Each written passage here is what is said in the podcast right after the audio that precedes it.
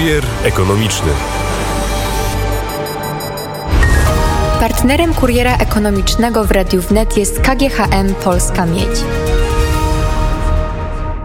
A gościem e, kuriera ekonomicznego Jakub Wiech, wicenaczelny portalu Energetyka 24. Dzień dobry, panie redaktorze.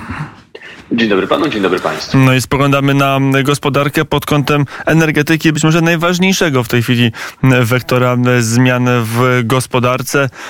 Przyglądamy się z polskiej perspektywy Krajowemu Planu Odbudowy, a tam 260 kamieni milowych, dużo z nich dotyczy energetyki, dotyczy Zielonego Ładu.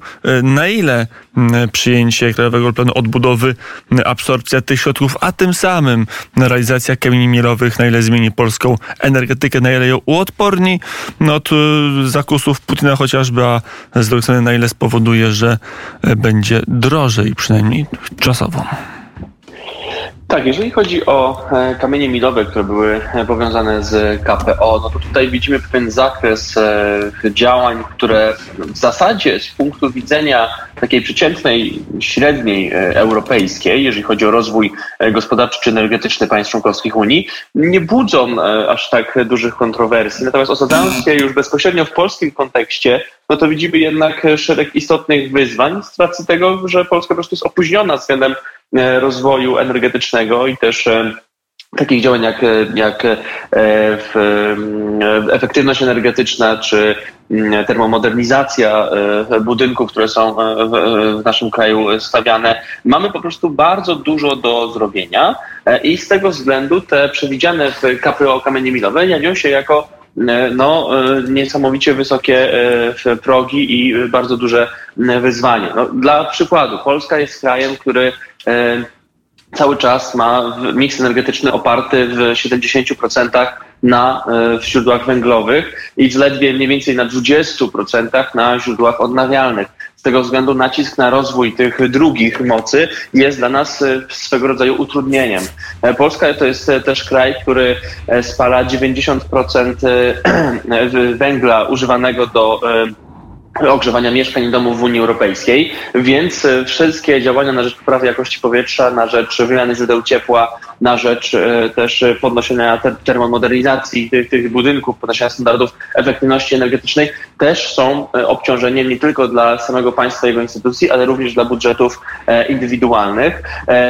Więc mamy tutaj bardzo szeroki zakres działań, które będą niestety ciążyć na, na nas jako na obywatelach między innymi, ale też na możliwościach państwa, które no dopiero zaczyna tak naprawdę szeroko pojętą transformację energetyczną.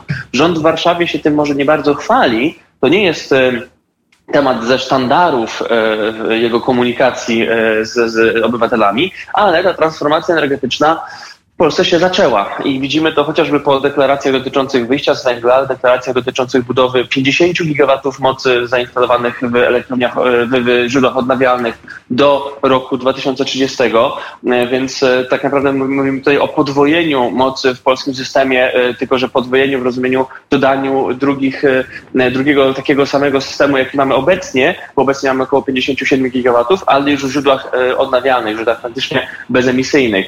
Więc to są przełomowe kroki, które zostały podjęte w ciągu ostatnich kilkunastu miesięcy, które zwiastują bardzo dynamiczny i bardzo szeroki proces transformacji energetycznej, ale umykają uwadze no, po części z racji tego właśnie, że rząd nie komunikuje ich otwarcie, no a oczywiście też swoją rolę odegrały tutaj kryzysy y, pandemiczne, kryzys wojenny, związane z nimi zaburzenia, które odwróciły uwagę Polaków. Natomiast zaczynamy transformację energetyczną, bardzo dynamiczną i bardzo kompleksową i ona będzie trudna. Mamy w tym, y, na tym polu ogromne zaległości sięgające w zasadzie ostatnich 30 lat.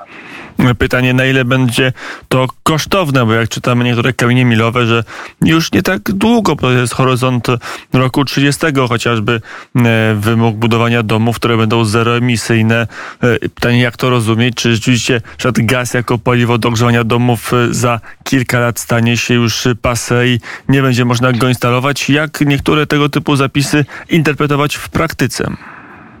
E, cóż, na pewno ten, e, te, te proces, e, proces transformacji, ten też proces, który został uwidoczniony w kamieniach milowych w KPO, no to będą procesy kosztowne. Właśnie z racji tych zaniedbań oraz w ogóle z racji pewnego no, wyśrubowanego poziomu technologicznego w rozumieniu inwestycyjnym, który jest związany z chociażby nowymi formami ogrzewania mieszkań czy z nowymi formami wytwarzania energii elektrycznej. Natomiast no na ten cel też będą przeznaczone dosyć duże środki. Mówimy tutaj przede wszystkim o tych 35 miliardach, które E, Polska ma pozyskać e, z e, Funduszu Odbudowy. Chodzi, chodzi o 35 miliardów euro, więc to jest no, zawrotna kwota, około 150 miliardów złotych. Natomiast mówimy też jeszcze o mm, w, na przykład środkach ze sprzedaży uprawnień do emisji. W zeszłym roku Polska zebrała około 25 miliardów złotych z tego właśnie tytułu. W, w ramach teraz nowelizowanej dyrektywy ETS 100% tych środków ma być przeznaczane na cele związane właśnie z transformacją proklimatyczną. Więc te pieniądze e, będą używane do e, realizacji założeń e, transformacji energetycznej kraju. Natomiast jeżeli chodzi o rygory mm, stawiane w KPO, czy też w ogóle jeżeli chodzi o rygory w, w, przewidziane chociażby w pakiecie Fit for 55, który również będzie ciążył nad naszą gospodarką, no to tutaj widzę, że niestety te obecne warunki, kryzysowe warunki, z, e, cechujące się chociażby problemem w dostępie do taniej energii, e, problemem e, w dostępie w ogóle do, do niektórych surowców, materiałów, mogą niejako wpłynąć na realizację tych działań i zamierzeń. Więc one mogą być technicznie też e, praktycznie niewykonalne, albo e, ich realizacja może być właśnie technicznie bardzo utrudniona. Tutaj trochę czas pokaże. Natomiast e, to, co widzimy w, czy w KPO, czy w Fit for 55, czy też w ogóle w całokształcie polityki klimatycznej Unii Europejskiej, którą sami współtworzyliśmy, którą jesteśmy zobligowani wykonać, no to jest pewne wyznaczenie trendu. Trendu, który zmienia obecny paradygmat gospodarczy, zmienia podstawy myślenia o energetyce w Europie i w ogóle o e, sektorze energii w tym szerokim rozumieniu. E, no i naszą rolą jest teraz, żeby w maksymalnym stopniu dostosować się do tych nowych trendów, bo za tym idzie też konkurencyjność gospodarki. Jeżeli będziemy stawiać, stawać się okoniem, no to tutaj może się okazać, że e, odczuje to bardzo negatywnie nasza gospodarka, która będzie po prostu e, na uboczu względem e, tych roz, gospodarek rozwiniętych. I tutaj mowa nie tylko o tych gospodarkach tak zwanej starej Unii, ale też na przykład o gospodarkach naszych południowych sąsiadów, bo chociażby Czesi czy, czy to są kraje, które idą bardzo dynamicznie w, e, w stronę transformacji energetycznej. Słowacy za dwa lata będą mieli prawie bezemisyjną energetykę opartą na OZE i atomie, więc kraje mniejsze, kraje e, mniej zasobne, jeżeli chodzi o mm, potencjał społeczny czy, czy e, gospodarczy od Polski, dały sobie z tym radę. Natomiast my niestety jesteśmy w ogonie tej stawki. Czas nadrobić zaległości na ile można to zrobić y, bez atomu. Chociażby patrzymy na, na to, jak emisyjna jest energetyka mm, niemiecka w porównaniu do francuskiej. Te dane, które pan e, pokazał chociażby wczoraj, ale można je robić regularnie i to wygląda, jak bardzo Francja oparta na, na atomie jest pod względem norm unijnych w lepszej sytuacji niż wydawałoby się bardzo w tym względzie postępowe Niemcy. To znaczy, ja uważam, że jeżeli mówimy na poważnie o transformacji energetycznej w kierunku neutralności klimatycznej do roku 2050, a taki cel przyświeca e, Unii Europejskiej, no to bez atomu nie można tego zamiaru zrealizować. To jest niemożliwe technicznie i to pokazują przykłady chociażby właśnie takich państw jak Francja, która e, dzięki planowi Mesmera zrealizowanemu e, w latach 1974-1985 z przyczyn zupełnie innych niż klimatyczne, cieszy się szerokim parkiem elektrowni jądrowych, które do dzisiaj jej dają bardzo niską intensywność emisji z energetyki, ale to też widać we wspomnianej już tutaj Słowacji, to widać też na przykład w Kanadzie, w, w prowincji Ontario, E, która zdekarbonizowała swoją energetykę mocą e, atomu oraz e, OZE. To widać w zasadzie we wszystkich państwach, które stawiają teraz na rozwój energetyki jądrowej, a jest ich coraz więcej, bo widzą, że to jest rozwiązanie, które współgra z celami polityki klimatycznej, a jednocześnie daje stabilną podaż taniej energii, co jest niezmiernie ważne gospodarczo. Więc bez energetyki jądrowej uważam, że te cele neutralności klimatycznej stawiane czy to Europie, czy w ogóle w perspektywie całego świata są po prostu nierealizowalne. Są niemożliwe technicznie do osiągnięcia w przewidzianym czasie, bo żadna tutaj inna technologia nie ma takich atrybutów jak energetyka jądrowa, jeżeli chodzi o stabilność pracy przy jednoczesnych możliwościach skalowania i stawiania w zasadzie w dowolnym miejscu takich e, reaktorów. E, no ale to jest, warto podkreślić, część rozwiązania. Znaczy sam atom nie wystarczy, tutaj muszą być też działania na polu źródeł odnawialnych, na polu efektywności energetycznej i dopiero wtedy możemy mówić o pewnej kompleksowej odpowiedzi e, i działaniach w ramach przewidzianych celów. A z drugiej strony w ramach wojny na Ukrainie, w ramach tego, co robi Władimir Putin, są głosy, że węgiel być może wrócić do łask ale tymczasowo, że mm, węgiel stanie się tym y, do końca paliwem przejściowym do momentu, kiedy pojawi się atom, kiedy y, pojawi się także wodór szerzej stosowany.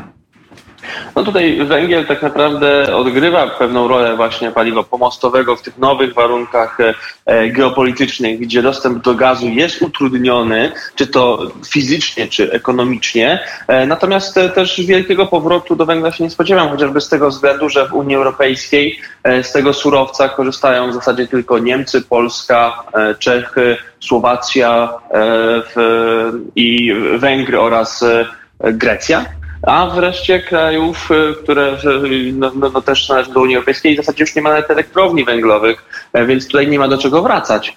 E, także węgiel jest na e, tak zwanym wymarciu, mówiąc obrazowo. No i to potwierdzają też takie decyzje, jak chociażby komunikat Polskiej Grupy Górniczej, która zadeklarowała, że w ciągu najbliższych 12-13 lat obecnie wydobycie tego surowca o połowę, a z kolei decyzją umowy społecznej podpisanej przez rząd oraz stronę górniczych związkowców, no wiemy, że sektor górniczy w Polsce, sektor węglowy mówiąc szerzej, też się zwija. E, to znaczy e, on będzie po prostu systematycznie wygaszany. Będą wygaszane nie tylko kopalnie, ale również elektrownie. Mamy już datę chociażby przy, przyjętą e, wygaszenia elektrowni Bełchatów, czyli największej naszej jednostki wytwórczej w ogóle w polskim systemie i też jednej z największych elektrowni węglowych na świecie.